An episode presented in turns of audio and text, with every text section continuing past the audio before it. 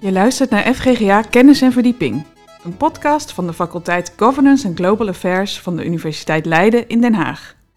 Mijn naam is Margriet van der Zee en samen met Tim Raume neem ik je mee langs beleidsthema's zoals digitalisering, energietransitie en arbeidsmarkt. Dat doen we samen met experts van het instituut Bestuurskunde. Wat zijn de interessante onderzoeken waar onze deskundigen zich mee bezighouden? En wat is de invloed van de verkiezingsuitslag op deze thema's? In de eerste aflevering staat het dossier Digitalisering en Artificial Intelligence centraal. Aan de lijn hebben we Bram Klievink, de eerste gast in deze podcastreeks. Bram is hoogleraar Digitalization and Public Policy. Zijn interesse in onderzoek en onderwijs gaat uit naar de interactie tussen digitalisering en overheid. Welkom Bram. Goedemiddag. Goedemiddag. Goedemiddag.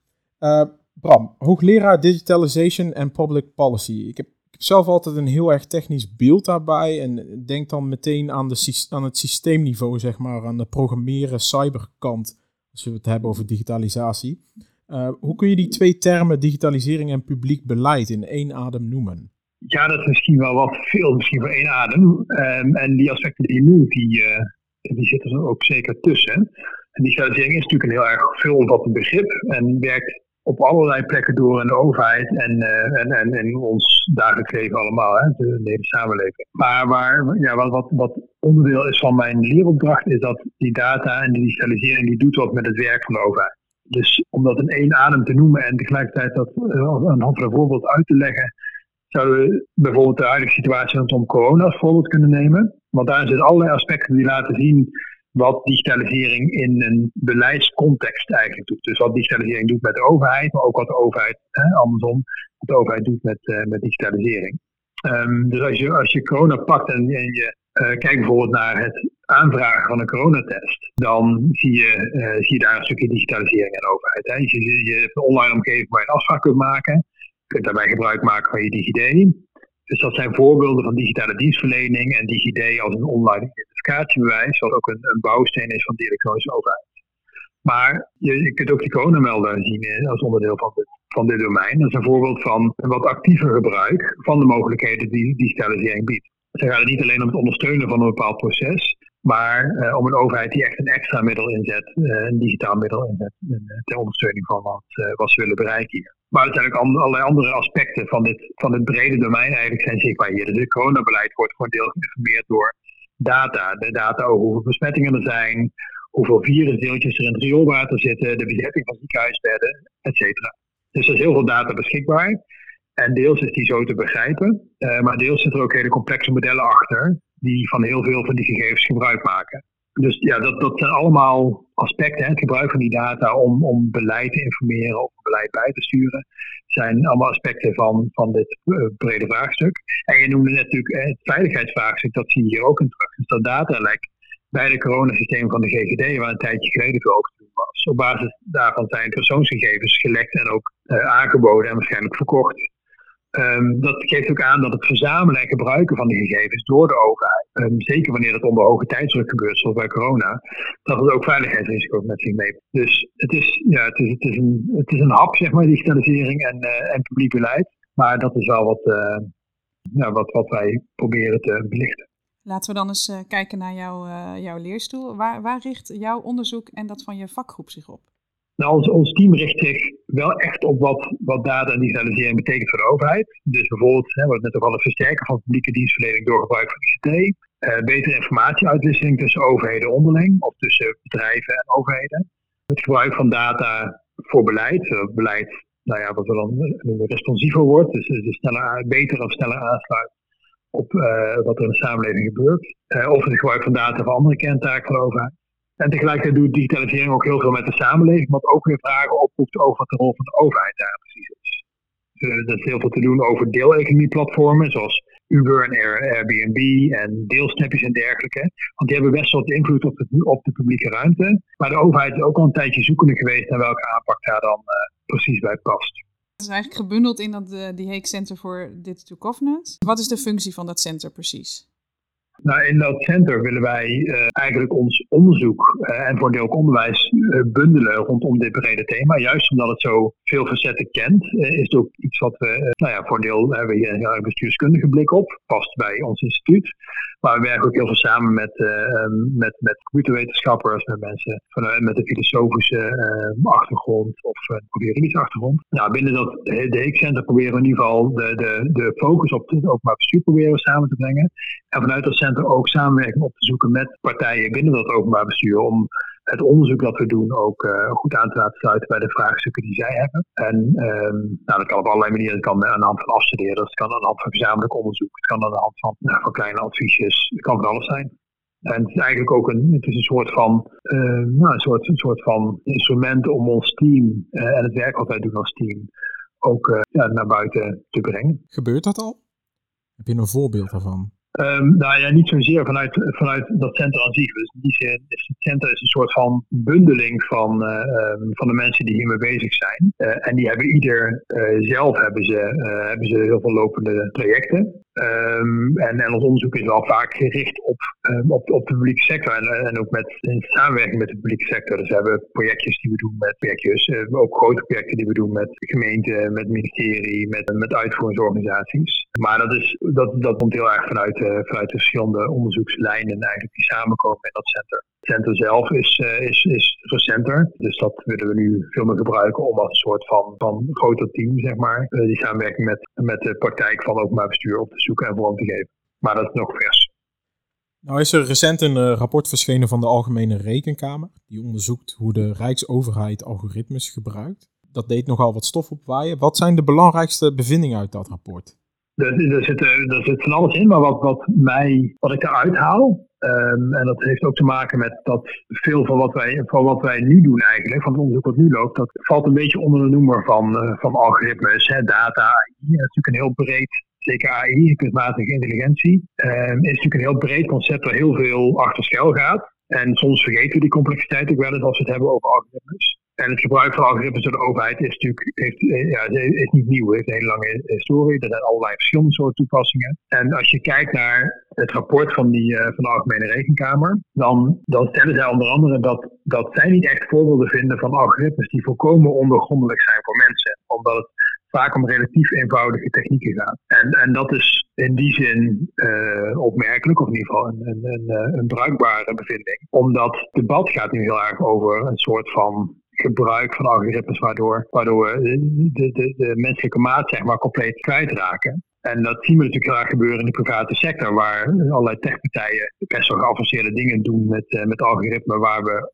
uh, ook uh, enigszins huiverig voor worden. En tegelijkertijd vinden we dat de overheid terecht uh, aan veel meer is gebonden. Veel meer bewaken van, uh, van allerlei waarden, menselijke waarden, publieke waarden uh, in de toepassing van, van deze technieken. Um, en daarin ontstaan, hè, dat gesprek ontstaan eigenlijk de zorgen over is het, is allemaal eerlijk? Uh, zit er niet te veel vertekening in hoe die algoritme worden gebruikt, of welke data wordt gebruikt? En als je nou zo'n algoritme gebruikt als onderdeel van een stukje besluitvorming of beleidsvorming, loop je dan niet het risico dat de mensen die daar gebruik van maken uiteindelijk zo weinig snappen van wat die techniek doet, dat dat echt een fundamentele uitdaging is, of een fundamentele, fundamenteel probleem is voor hoe, uh, voor hoe de overheid de zaak heeft georganiseerd en tot besluiten komt. Dit rekenkamerrapport geeft dan eigenlijk aan van, nou ja, dat is wel, hè, dat, dat, dat doenbeeld, dat kan er wellicht zijn, maar in de praktijk van hoe algoritmes nu worden gebruikt door de overheid, um, is, gaat het vaak nog niet, gaat het, gaat het nog niet zo ver. Er ligt nu dat uh, rapport van de Algemene Rekenkamer. En uh, wat, wat gebeurt er uh, nu vervolgens mee? Wat moet er volgens jou gedaan worden met de conclusies en de aanbevelingen uit dat rapport?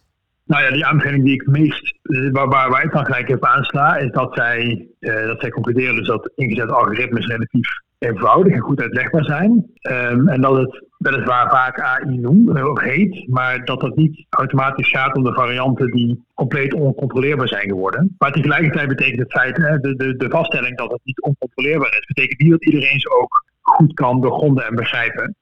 Dus ik denk dat het zinnig is om op basis van, eh, van dit uh, aan de slag te gaan met toetsingskaders of in ieder geval een proces om de inzet van algoritmen door het openbaar bestuur verder richting te geven. Op die manier de risico's voor burgers verder in te dammen. Dus bijvoorbeeld door een gesprek te forceren tussen verschillende expertises en verschillende belangen binnen een publieke organisatie rondom concrete algoritmen. Kan boven, boven tafel helpen krijgen wat de beperkingen zijn van, van, van datasets. Nou, dat, dat, dat algoritmes niet per se oncontroleerbaar zijn, betekent niet dat iedereen ze daadwerkelijk ook goed kan doorgronden wat ze doen. Dus als zo'n rapport kan worden gebruikt om, om bijvoorbeeld toetsingskaders algoritmes te ontwikkelen, of een algoritme-register aan te wenden waarin je gaat documenteren van wat wat voor een algoritmes heb je nu daadwerkelijk en in hoeverre zijn die te begrijpen. En op het moment dat ze wat minder te begrijpen zijn voor een brede doelgroep, dan is dat al zich geen ramp. En dan moet je ervoor zorgen dat je intern in zo'n organisatie wel een gesprek forceert tussen verschillende belangen en verschillende expertises. Zodat wel helder is voor alle betrokkenen binnen zo'n organisatie uh, wat de beperkingen zijn, bijvoorbeeld van de data uh, die, die gebruikt wordt. Of wat, ja, wat, wat de beperkingen zijn van een bepaalde mate van uitlegbaarheid van En wat het dan betekent voor je, um, voor je externen kunt informeren wat er dan, dan wordt gedaan.